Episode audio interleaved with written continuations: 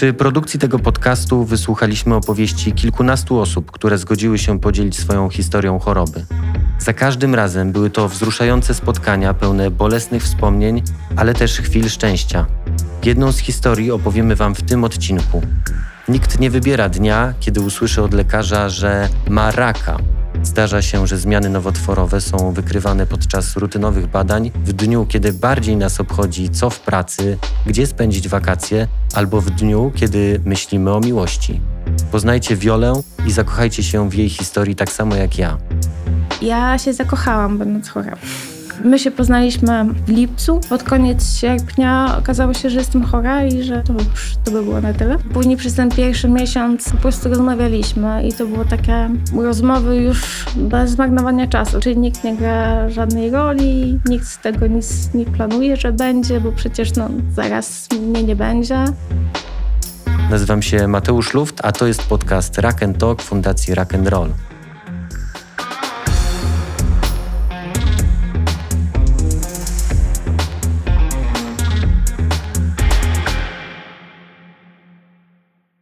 Jak wyglądał Twój czas, dzień, tydzień, miesiąc, zanim się dowiedziałaś, zaczęłaś mieć podejrzenia? To życie, o którym sama mówisz, że ono jest tym życiem z przeszłości. Bardzo to pamiętam. Więc to też jest coś takiego, że rzeczywiście to był ważny czas. Tak jak pamiętasz, jak jesteś ubrany nie w dniu ślubu, prawda, I, i co się tam działo, to rzeczywiście też ten dzień, gdy dowiedziałam się, że jestem chora i na co jestem chora, to jest takie wypalone gdzieś tam, że, że pamiętam, byłam ubrana, gdzie szłam, gdzie stał zaparkowany samochód, jak wracałam do domu. Ja miałam wtedy taką bardzo odpowiedzialną pracę. Podróżowałam zawodowo między miastami i od dłuższego czasu czułam się słabo. Tak robiłam badania, wyglądy były czyste. Ja mam historię choroby nowotworowej w rodzinie, więc rzeczywiście co pół roku robiłam badania profilaktyczne. I te ostatnie były nie tak bardzo dawno, więc też były czyste, więc to nie było coś, o czym myślałam, że akurat to jest przyczyną tego samopoczucia. Dużo się wtedy działo w moim życiu osobistym. Ja w tym samym roku się rozwiodłam. W tym samym roku zostałam sama wtedy z dwójpoletnim synem przeprowadziłam się w nowe miejsce i to był taki czas, kiedy myślałam, że będzie się wszystko jak gdyby spełniało już, tak, że będzie dobrze. Sobie kupiłam pakiet masaży, tak, zaplanowałam sobie wyjazd z przyjaciółmi, pierwszy od lat i rzeczywiście mi było radośnie, tak, to, to było dla mnie taki czas nadziei. Szukając tego, co się ze mną dzieje, trafiłam do kliniki, która powiedziała, że to mogą być problemy z tarczycą i dostałam tam skierowanie na USG 3D. To jest wtedy 2014 rok, więc taka dość nowatorska u nas technologia. 4D, przepraszam, bo to jest w 3D, ale jeszcze w czasie, więc, więc jako wideo. I tam rzeczywiście wyszło, że jest jakiś tam stan zapalny, no ale jak już jestem pod tą aparaturą, spotkanie służbowe mam za dwie godziny, to jeszcze od razu bym bardzo chętnie zbadała też piersi, prawda, bo, bo ja miałam raka piersi, a kontrolowałam ze względu na chorobę babci. I Pani, która mnie badała, tak mnie wzięła za rękę i mówi tak spokojnie, spokojnie, proszę usiąść. W ogóle przestała żartować. Wcześniej taka radosna, gdzieś tam jakieś też opowiadała o swoich rzeczach osobistych. I powiedziała, że ona nie może mi tego powiedzieć tak bezpośrednio, no ale, bo to nie są jej kompetencje, ale jak ona patrzy na ten wynik, no to tu nie ma żadnej wątpliwości. Także, że jest to rak złośliwy, rozsiany, jest jakieś zwapnienia, w ogóle dużo medycznych terminów. Zostawiła mi wizytówkę, muszę się natychmiast umówić tam do mojego kolegi. On jest najlepszym w ogóle onkologiem i, i proszę powiedzieć to ode mnie, bo jak taka młoda dziewczyna i tutaj trzeba szybko. I ja powiem, że tak bardzo nie chciałam jej sprawić przykrości, jak gdyby, tak, że, że jak ja się teraz rozpłaczę, ona miała przecież taki dobry dzień wcześniej i ona będzie czuła odpowiedzialna za te moje emocje. Później już wiem, że od tego się też raka dostaje, także się w wytłumaczeniu takim psychosomatycznym, także właśnie to, że wszystko, żeby nie oddać na zewnątrz, tylko schować w środku, jak się dzieje coś źle. I ja rzeczywiście wyszłam stamtąd, położyłam laptop, pateczkę i siedziałam w samochodzie przez prawie dwie godziny. Siedziałam, leciały mi łzy, takie w ogóle po cichu. Zadzwoniłam do pracy, że mi odwołali spotkanie, że mnie nie będzie. I później z Trójmiasta do Ostrudy to jest, no dwie godziny się może jedzie. Jechałam przez ponad sześć. Takie zjeżdżając na każdy parking. no i właśnie bez myśli jakichś, prawda? Takie... Ja zawsze wyszłam do domu, następne trzy dni nikomu nie powiedziałam, co się wydarzyło, co się dzieje. Umówiłam się na te wizyty. Przestałam płakać. Sprzątałam garaż, mieszkanie, uporządkowałam dokumenty, wszystkie rzeczy w pracy, co mogę komu przekazać, co się dzieje, co jest pilne, co nie mogę.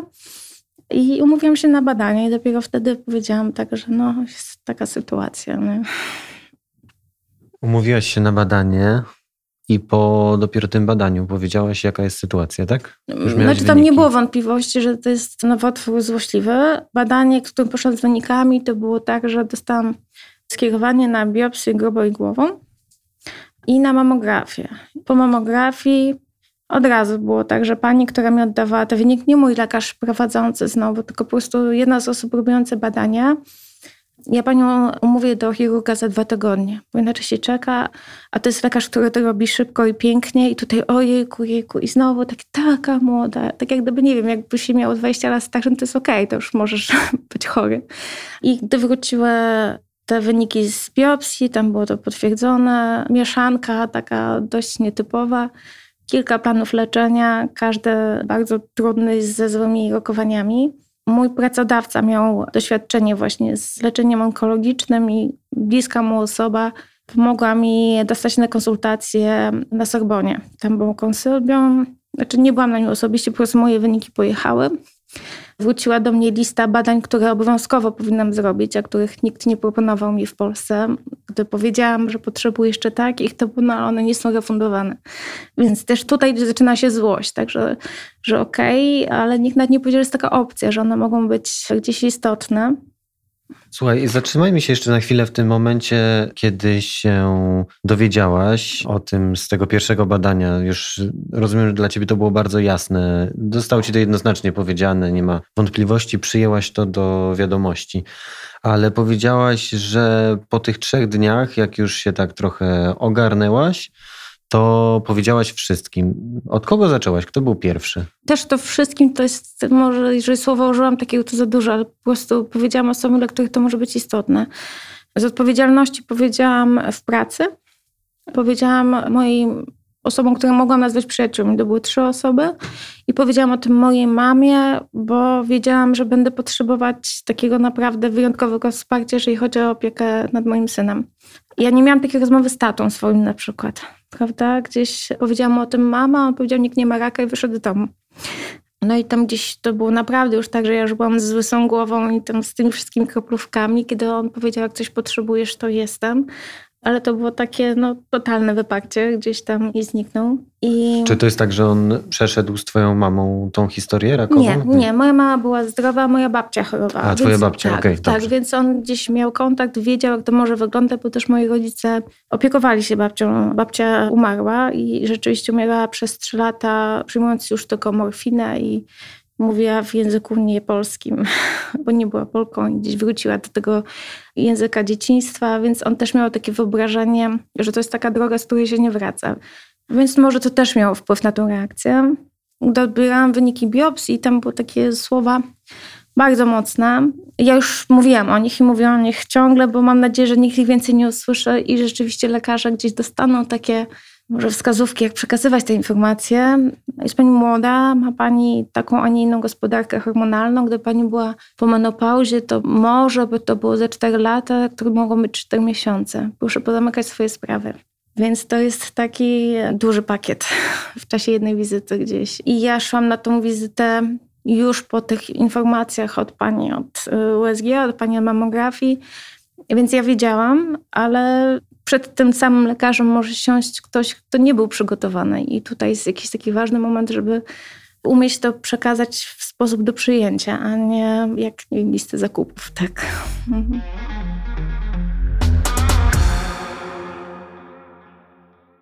Jak wyglądały te trzy rozmowy? To znaczy u ciebie w pracy, z twoją mamą i z twoimi znajomymi? Najłatwiej było mi w pracy, bo rozmawiałam o tym z kimś, kogo do tej pory mogę nazwać przyjaciółką. I była to rozmowa taka, może przez to też, że w kontekście zawodowym to konkretna. Taka, trzeba zrobić to i to. Jak mogę ci pomóc? Tym się nie martw, tutaj potrzebuję od ciebie czegoś. I tu nie dostałam tego worka emocji, za które ja miałam się czuć odpowiedzialna, bo gdy mówiłam mamie i ona zaczęła płakać, to ja miałam takie, ja nie mogę teraz tego przeżywać i muszę się nią zaopiekować. Prawda? I, I to było takie, że to ja ją uspokajałam, to jej mówiłam, że będzie ok, że nie będzie jak z babcią. Tutaj jestem zaopiekowana, tu przygotowana i to ja jej zdawałam jakby taką relację, jak ten plan ma wyglądać. Moje koleżanki, mam poczucie, że tam było dużo rozmów nie przy mnie że rzeczywiście zadbały o to, żebym ja nie dostawała co godzinę telefonu, a jak się czujesz, tylko jak któryś powiedziałam, to już tam między sobą mogło o tym opowiedzieć. Na pewno dużo wsparcia, nie tylko emocjonalnego, bo to było też, słuchaj, mam zupę, zostało mi, to, ci, to przyniosę ci, nie? I tutaj tak, wiesz, mam taką wyciskarkę do owoców, a tak mi wpadła taka książka gdzieś tam, które się pojawiały i to było takie bardzo nienachalne. A mi też zależało na tym, żeby nagle nie stać się takim dzieckiem gdzieś tam w tym wszystkim, nie stać się tą chorobą. Żeby rozmawiały ze mną nadal o tym, nie wiem, jakiej słucham muzyki, albo że był fajny film, a nie tylko jak się czujesz, a jak tam wyniki, a czy dotarły te leki, prawda, czy udało się jakiś tam termin załatwić. I to na pewno dostałam od, od bliskich mi osób. A cały czas mówisz o tym, że właśnie wszyscy się dziwili, że tak młodo.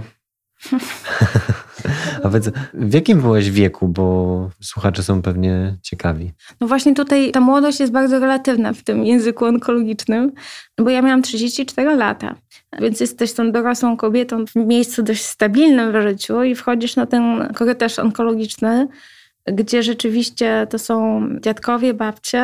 Nie wiem, czy to jest kwestia tego, jak te grafiki były pokładane, ale rzeczywiście ja leczyłam się w szpitalu morskim w Gdyni. No i ja tam byłam takim juniorem. No i z jednej strony jest to takie fajne, bo znowu jesteś młody, a z drugiej strony jest to też takie niesprawiedliwe, nie? że tak szybko jest ten koniec gdzieś w tym wszystkim. No bo ja szłam z takim nastawieniem, że to jest koniec, tak? To jest takie no, cztery miesiące, tak powiedział pan doktor w tym wszystkim. Więc to nie było takie, że kiedyś się spotkamy i będę o tym porozmawiamy, tylko to jest coś, co dzieje się teraz i nie będzie jakiegoś później. Mocno się czasoprzestrzeń skręca.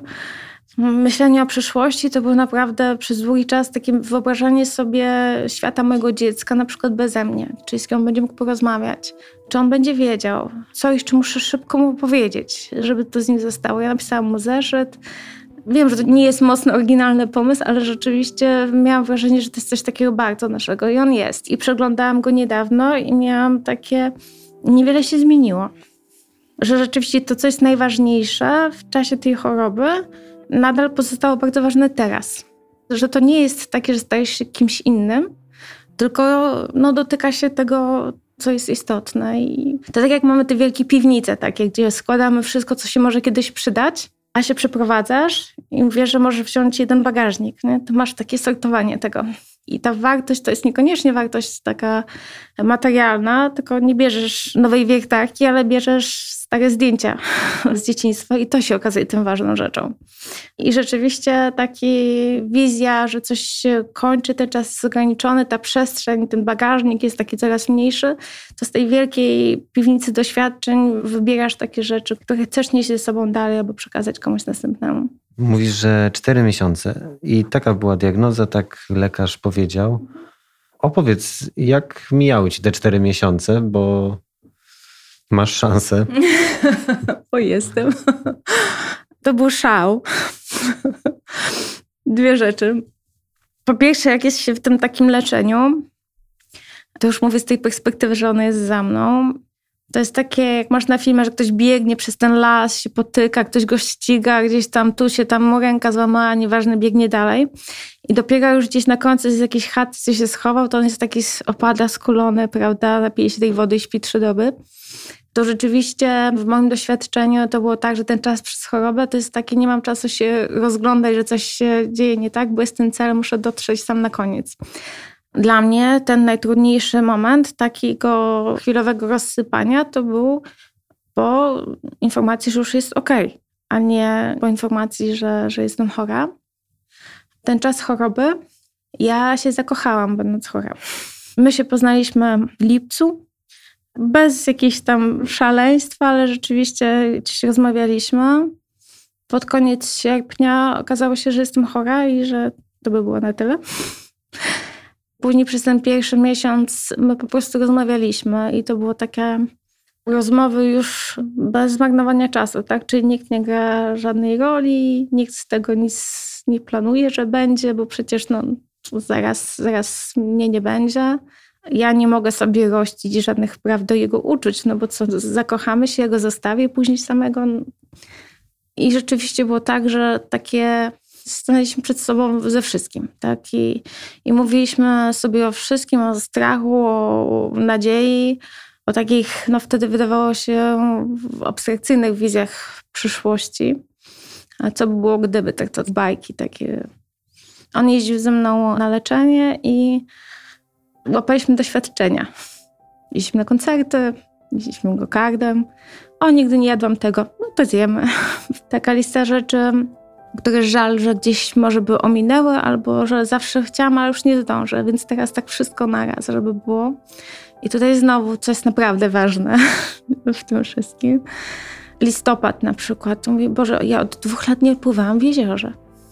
Jestem w trakcie chemioterapii. Wyniki takie, że nie dostałam ostatniego wlewu. Nie? Już nigdy nie wejdę do jeziora. No i weszłam. No teraz morsowanie jest modne, wtedy nie było. I naprawdę było to decyzja nie najlepsza, ale wracałam do domu z takim poczuciem naprawdę szczęścia i i absolutnie nie chcę, żeby ktokolwiek kiedyś pomyślał, że fajnie, jak będę mieć raka, to wtedy będę tak się cieszył z małych rzeczy, bo to w ogóle nie o to chodzi i, i nikomu tego gdzieś nie życzę. Dla mnie to był taki naprawdę czas zatrzymania i mocno pamiętam tą kąpiel w jeziorze, a nie poprzednie 34 lata w słońcu w tym samym jeziorze.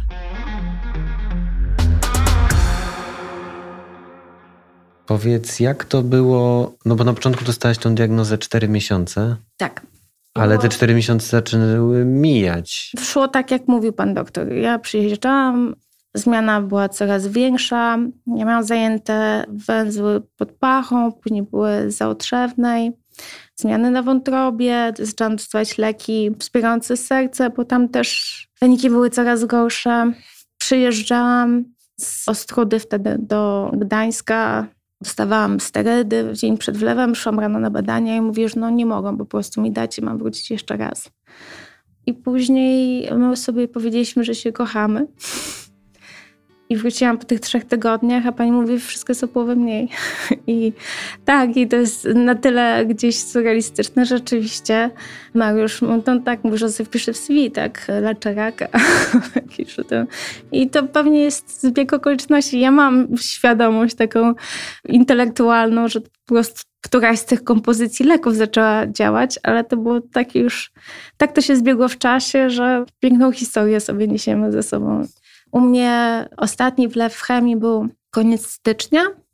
Dzień przed walentynkami miałam operację i też na operacji są takie klauzule odpowiedzialności i że zgadzam się na masaktomię i obudziłam się rano i tak to hmm, są. tak, okazało się, że wystarczyło już operacja oszczędzająca. Tak no, rzeczywiście wycięto mi wszystkie węzły cały dół pachowy, ale ten przełom sierpnia, września to, to było w ogóle w żadnej opcji nie pojawiało się, że tak się to leczenie zakończy. Dobrze się skończyło. Później jeszcze do końca czerwca codziennie jeździłam na radioterapię. W trakcie radioterapii w porównaniu z tym, jak to było przy chemii, mi się wydawało, że w ogóle jestem już w świetnej kondycji, no bo nie leci mi krew z nosa, jak się schylę, tak i zaczynam czuć smaki, więc to wtedy było już takie, och, mistrz świata. Pojechałam sobie na rajd rowerowy. Także wyszłam w piątek ze szpitala, w weekend. Znaczy to też takie, ten rajd rowerowy brzmi to imponująco, ale to było tam 50 kilometrów na górę Dylewską z powrotem.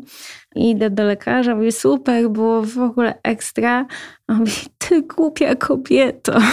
to nie był cytat z Alo Alo, tylko no po prostu to jest taka gdzieś już struktura kości po tych tam 40 wtedy, czy 50 już naświetlaniach, że mówię, że pośliźniesz się, uderzysz o kierownicę, to się wszystko rozpokruszy. No. Mówię, koniec, siedzisz na tyłku, ale jak w tym wszystkim.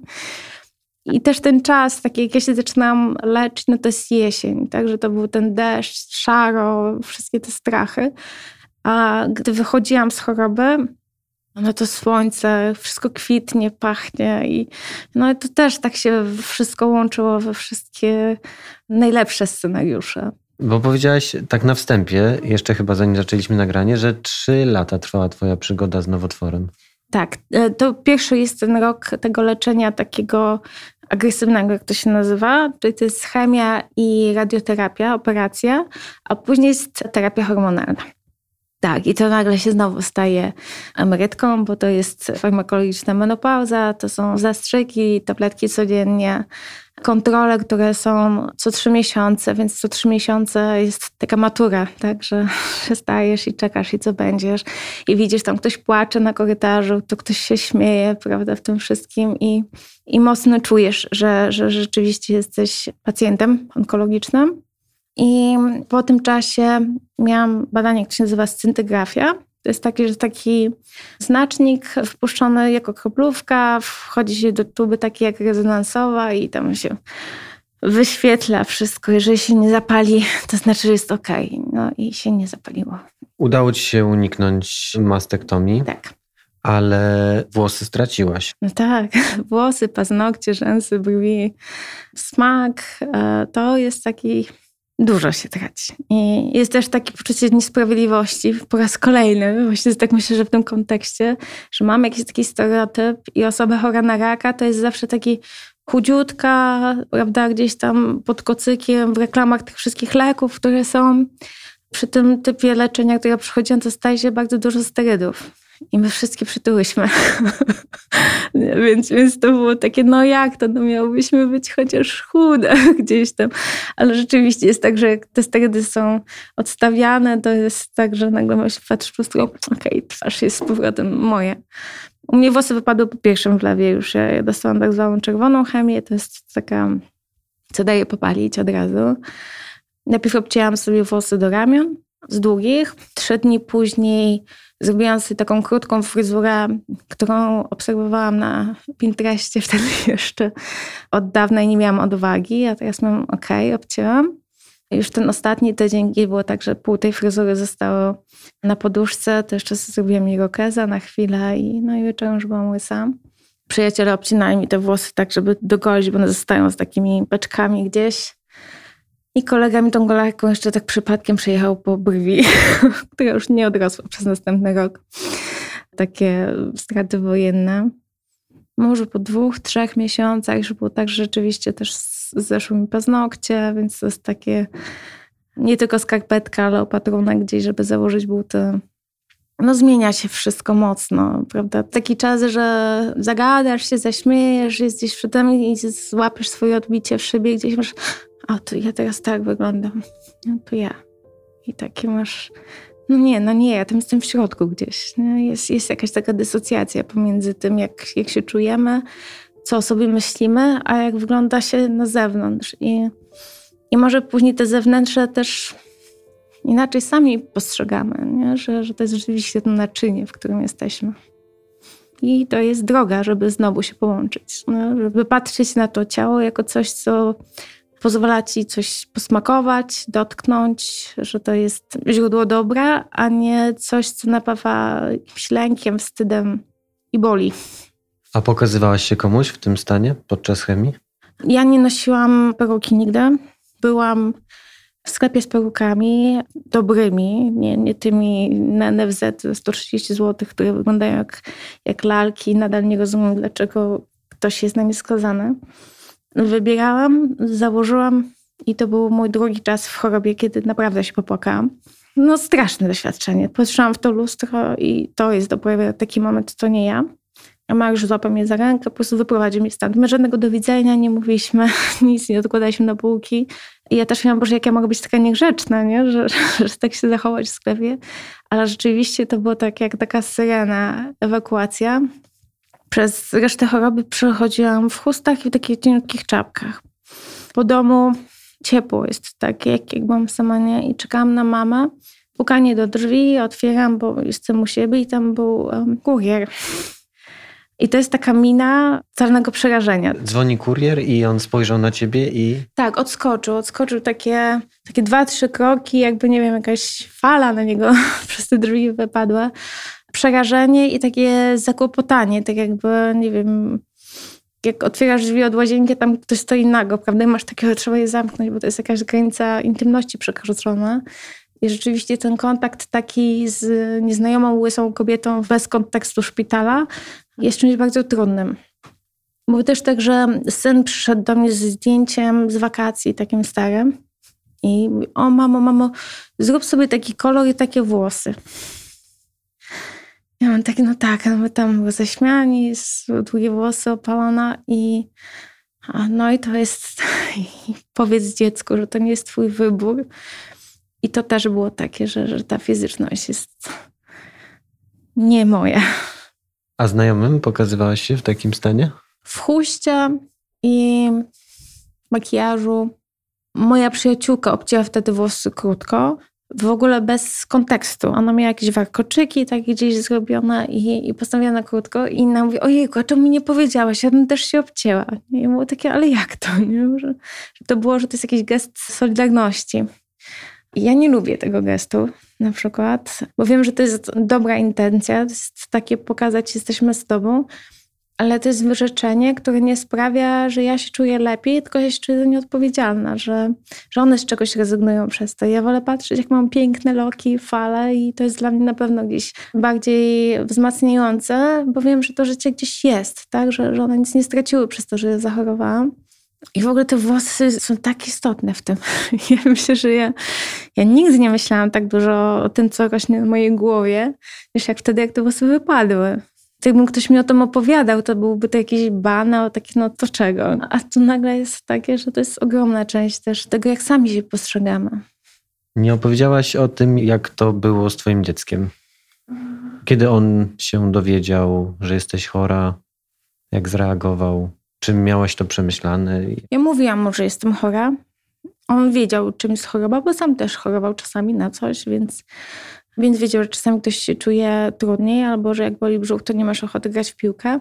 To nie było dla niego coś tak nienaturalnego, że ktoś sobie choruje. On był bardzo mały, więc to nie był czas, który mogą powiedzieć, słuchaj, ale może umrę za kilka miesięcy, bo dla niego w ogóle kilka miesięcy to jest wszechświat, tak?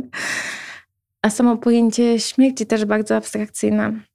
Więc gdy ja z nim rozmawiałam, to ja mówiłam o tym, że pamiętaj, że zawsze będziemy się mieć w sercu, Mówiłam mu o tym, co jest ważne dla mnie, żeby sprawdzić, czy to jest to samo ważne dla niego. Ja szukałam terapeuty takiego dla dzieci, żeby znaleźć słowa, jakieś narzędzia, takie jak o tym rozmawiać. I okazało się, że to jest jakaś czarna dziura, że są osoby, które uczą, jak rozmawiać po stracie, a ja wtedy mieszkam w województwie warmińsko-mazurskim i tam nie byłam w stanie znaleźć kogoś, kto pomaga uczyć rozmawiać o samej chorobie. Znalazłam książki w języku angielskim, które gdzieś tam są bliższe, ale one też były w takim kontekście rozmowy z osobą dorosłą, z innym poziomem świadomości też i zupełnie innymi pojęciami. Ja miałam takie, że dopóki to nie jest tak, że to jest kwestia tygodni, to ja się skupię na tym, żeby on szedł dalej z taką dużą ilością dobrych wspomnień tak, żeby jak najwięcej wyposażyć go gdzieś tam na tą przyszłość, której może mnie nie będzie i rozmawiać tylko o tym, co się dzieje teraz, tak, czyli jeżeli on widzi, że nie mam włosów i o to pyta, to mówię mu, no tak, ja też bardzo lubię, jak są takie długie, ale wiesz co, na razie mi nie rosną. Bo były takie leki, żeby się czuć lepiej, dlatego one wypadły. Nie? Ja chyba wolę mieć, wiesz, zdrowa, niż żeby one tam rosły. Zaczekamy? No dobra, to zaczekamy. Nie? I to takie nieuprzedzanie o tym, co będzie najgorsze za chwilę, tylko takie słuchaj, jadę teraz do szpitala, tak, biorę lek, żeby wyzdrowić. Możliwe, że jutro nie będzie najciekawiej, nie? To może jutro zamiast zabawy, to będziemy sobie czytać książkę, nie? Czy możemy się tak umówić? No i on już taki, wiesz, to jest taki cichszy dzień, gdzieś tam po tym powrocie.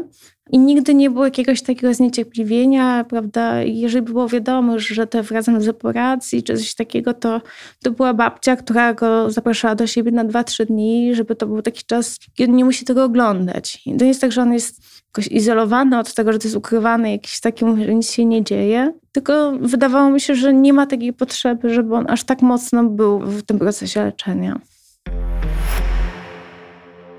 Zdrowy przerywnik reklamowy. Kochaj siebie. Śpij, ile potrzebujesz. Udzielaj sobie urlopu. Pielęgnuj dobre relacje z ludźmi. Nie bój się emocji, bo każda jest potrzebna. Doświadczaj ich. Weź do głowy i bądź zdrowy. rockandroll.pl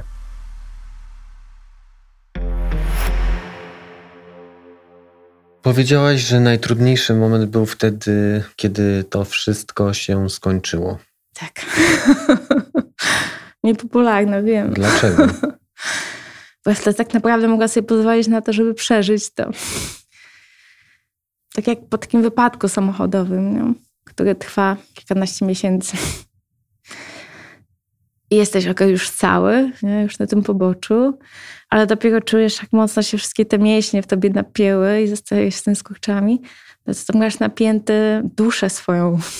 Wtedy naprawdę potrzebujesz tej chwili, żeby się sobą zaopiekować. A już nie masz tego kredytu jakiegoś społeczeństwa, otoczenia, że jesteś chory, to masz tą jakąś tą taryfę ulgową, tylko przecież już jesteś zdrowy.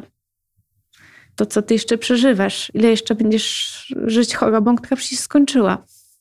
Powinieneś wrócić, pracować na dwóch etatach, uprawiać cztery sporty i najlepiej zainwestować w nieruchomość, prawda, gdzieś nim.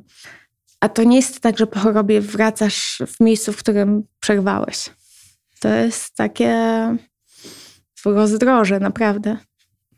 Na nowo podejmujesz wszystkie te decyzje, na nowo poznajesz swoją wydolność.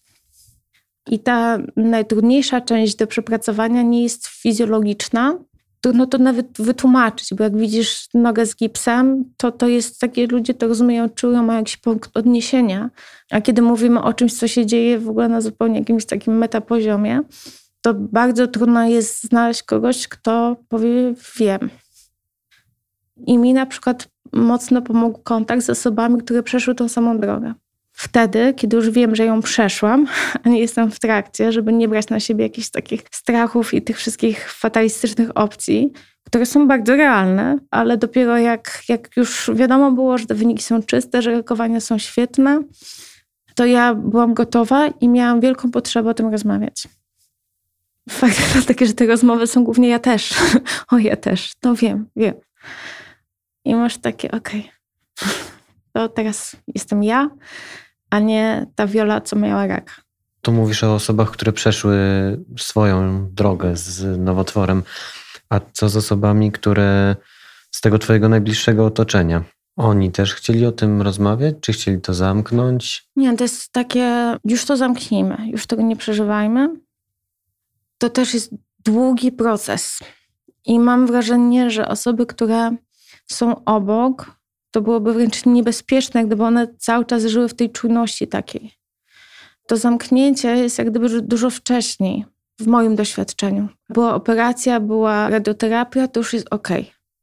Ja byłem, ja pomogłem, byłem obecny, teraz mogę się zająć sobą i to jest super, prawda? Bo to też ja mam takie ok, moja choroba ich nie zatrzymała, a ten moment po tych miesiącach, latach, to ta choroba dla otoczenia jest już pewnego rodzaju wspomnieniem. Nie jest takie równoległe przeżywanie tego, tylko te etapy jak gdyby się nie nakładają w tej historii ku zdrowiu. Ale miałaś taki moment, że teraz odpalamy szampany, to jest koniec i takie poczucie, że w tym momencie zamknęłaś rozdział w życiu?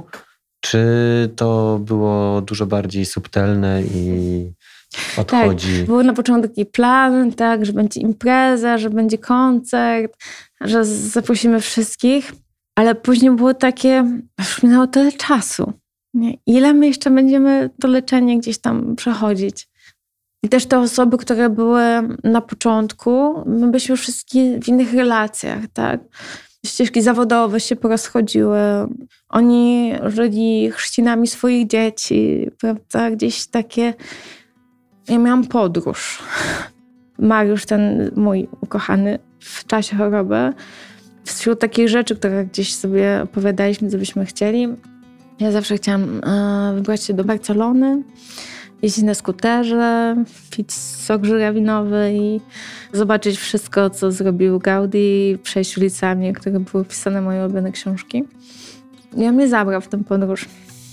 I to było 4 lata później. Między podróżą a, a chorobą minęły 4 lata. A diagnozą? A diagnozą minęły 4 lata. Oświadczył mi się tam.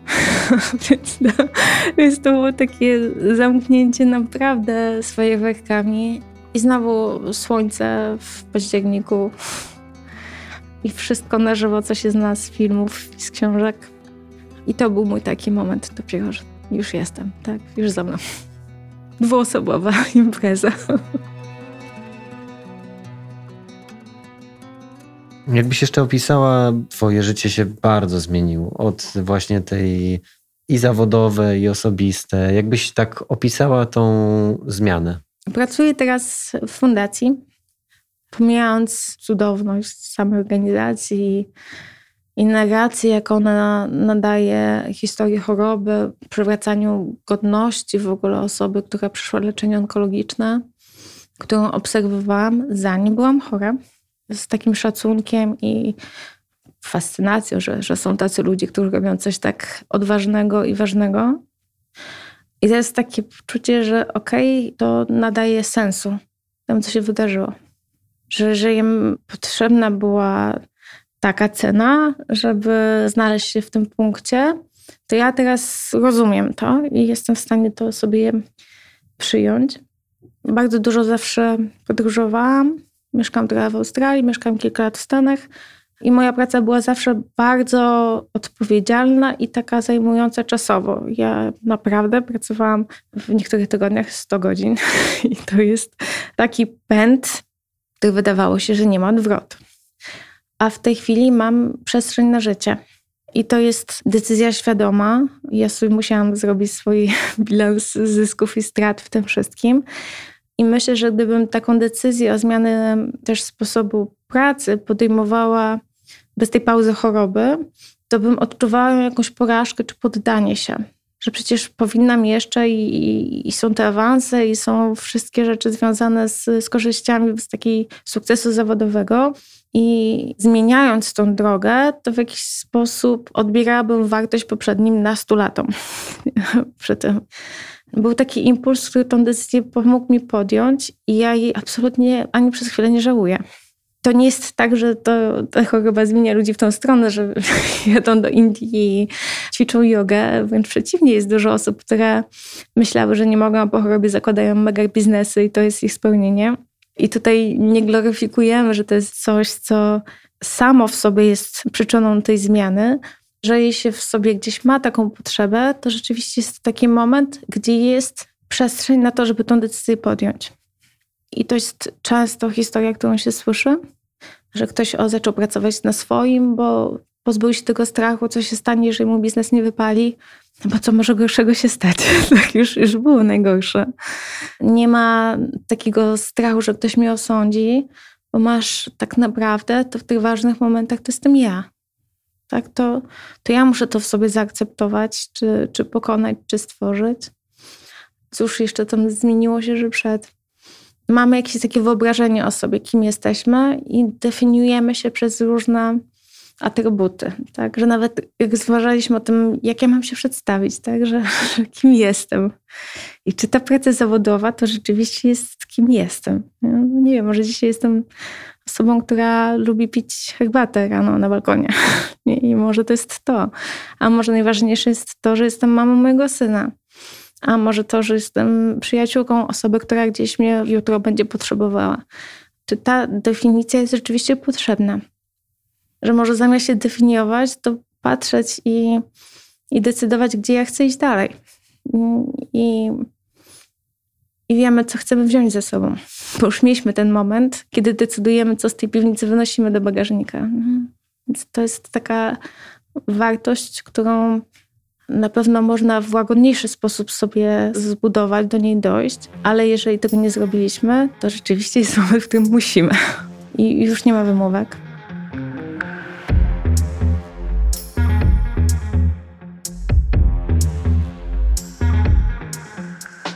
Dziękuję Ci za wysłuchanie odcinka podcastu Rock Talk Fundacji Rock Roll. Jeśli chcesz usłyszeć więcej podobnych rozmów, zasubskrybuj nas na swojej ulubionej platformie podcastowej. Zostaw krótką opinię na Apple Podcast. Poleć nas znajomym. Jeśli masz jakieś pytania lub chcesz podzielić się swoją historią, wyślij nam maila na adres podcastmałpa.rock'n'roll.pl. Być może wykorzystamy je w kolejnych odcinkach. Rock Talk tworzymy dzięki współpracy Voice House i Fundacji Rock Roll.